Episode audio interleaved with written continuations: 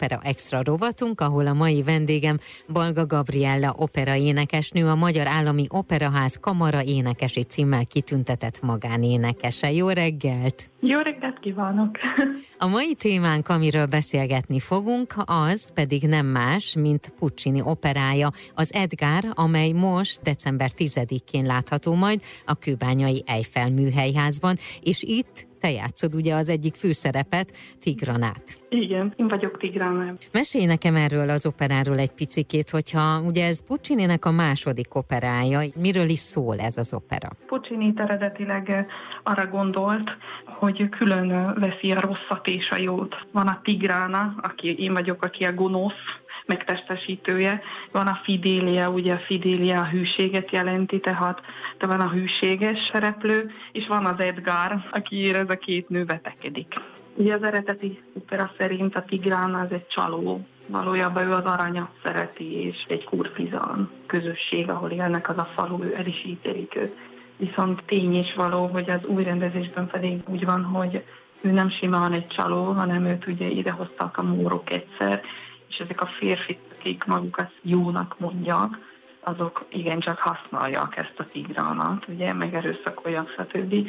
És már elege van belőle, elege van ebből a létből, és kapaszkodik, és ami nem lehet, hogy szereti teljes szívéből az Edgar, kapaszkodik belé, és boldog, amikor egyszer csak Edgar úgy dönt, hogy megmenekít innen, és elviszi magával, és vele fog élni, föllélegzik, hogy most akkor egy új élete lesz mellette, aztán persze az Edgar is elárulja. Most az eredeti opera szerint a Tigrán árulja az Edgar.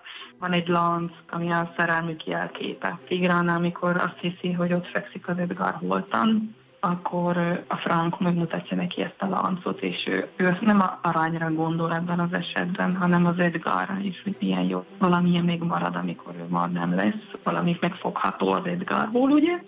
És aztán megjelenik az Edgar, aki végül is nem halt meg, csak át, átverte a lányokat, hogy meg tudja, hogy hűségesek-e hozzá. Az eredeti szerint a Tigrána aztán megöli a Fidéliát, ugye leszúrja féltékenységből, mert őt választja az Edgar, most viszont engem ítél el a csűrhe mondhatni. Szóval meg kellene nézni, de tényleg nagyon-nagyon jól lett megoldva az egész, és így sokkal hitelesebb, mert hogy az ember biztos, hogy nem csak rossz, nem csak jó, hanem mind a két én valahol ott bújtam mind a kettő az emberben. Világszerte ritkán hallható darabot Tulassai Ádám állított a színpadra. Mi volt az ő elképzelése? Ádám úgy gondolta, hogy egy kicsit tegyük ezt élethűbbé, és máiba, mondjuk mindenkorban így volt, de minden ember jó is és rossz is egyben. Szóval mindenkiben van jó is és rossz is. Hiába, hogy a szöveg itt és ott úgy van írva, vagy a zene ilyen vagy olyan, akkor is próbáltuk ezt a vonalat, hogy mind a kettő ki, kirajzolódjon. És hát ezt volt nagyon nehéz összerakni, főleg a Tigrána szerepében, ugye végig ott vagyok a színpadon. Hát megküzdöttünk vele, hogy így legyen, de végül is szerintem nagyon egy remek műszületett. Én, én nagyon szeretem ezt a szerepet énekelni, és szerintem így nagyon is érthető, és az emberek által is nagyon elfogadott lett ez az egész így. Miért szereted énekelni ezt a szerepet? Mert nagyon sok színemet mutathatom meg. Sajnálom, hogy nincs benne Arian, mert az nincs. Mindenkinek van, csak a Tigának nincs, viszont vannak ilyen zárt részeim, de megmutathatom a gyengéd oldalamat, a vad oldalamat, a, tényleg vannak benne mélységek, magasságok, énekel, sok énekelni való. Puccini zenéje és az Edgárnak a zenéje, az mennyire áll közel hozzád? Hát az az igazság, hogy az életem első Puccini szerepe, nagyon jó tanáraim voltak és segítőim, akik ezekben sokat segítettek, a Szennei Kalman is sokat segített abban, hogy az, hogy az olyan legyen, ahogy milyennek lennie kell. Ugye Passzíri az énektanárnőm, aki ebben tudott segíteni, és akinek az véleményében folyamatosan bízok. Én nagyon szeretem Puccini zenéjét, nagyon kerek is egész az elejétől a végéig az opera. Kidolgozott, és lehet, hogy fiatalon írta, de gyönyörű és szívhez szóló úgyhogy örömmel énekelem.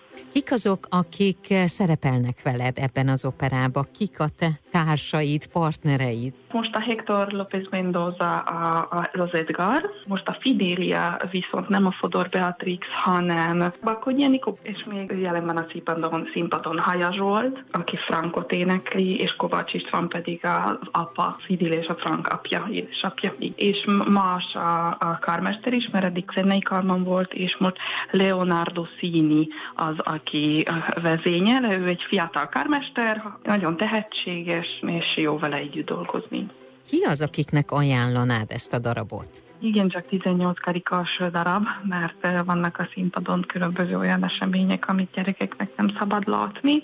Valójában a zenéje gyönyörű, ha csak a zenéjét szeretnék hallgatni, azt ajánlom barkinek, még az én fél éves kisbabámnak is.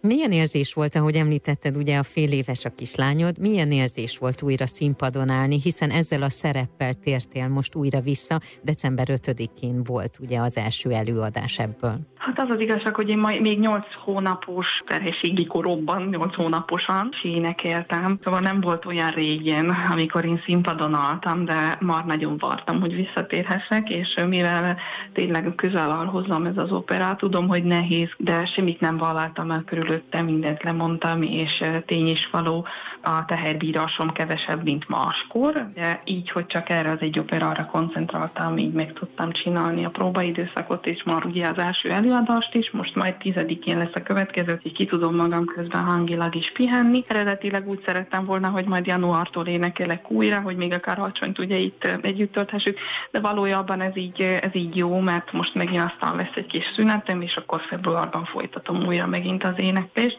úgyhogy most megint visszatérek majd a kisbabámhoz.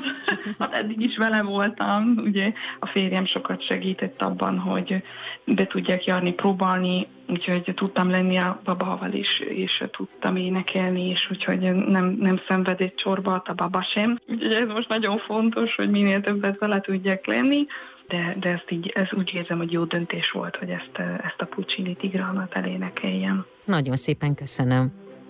jó, én köszönöm.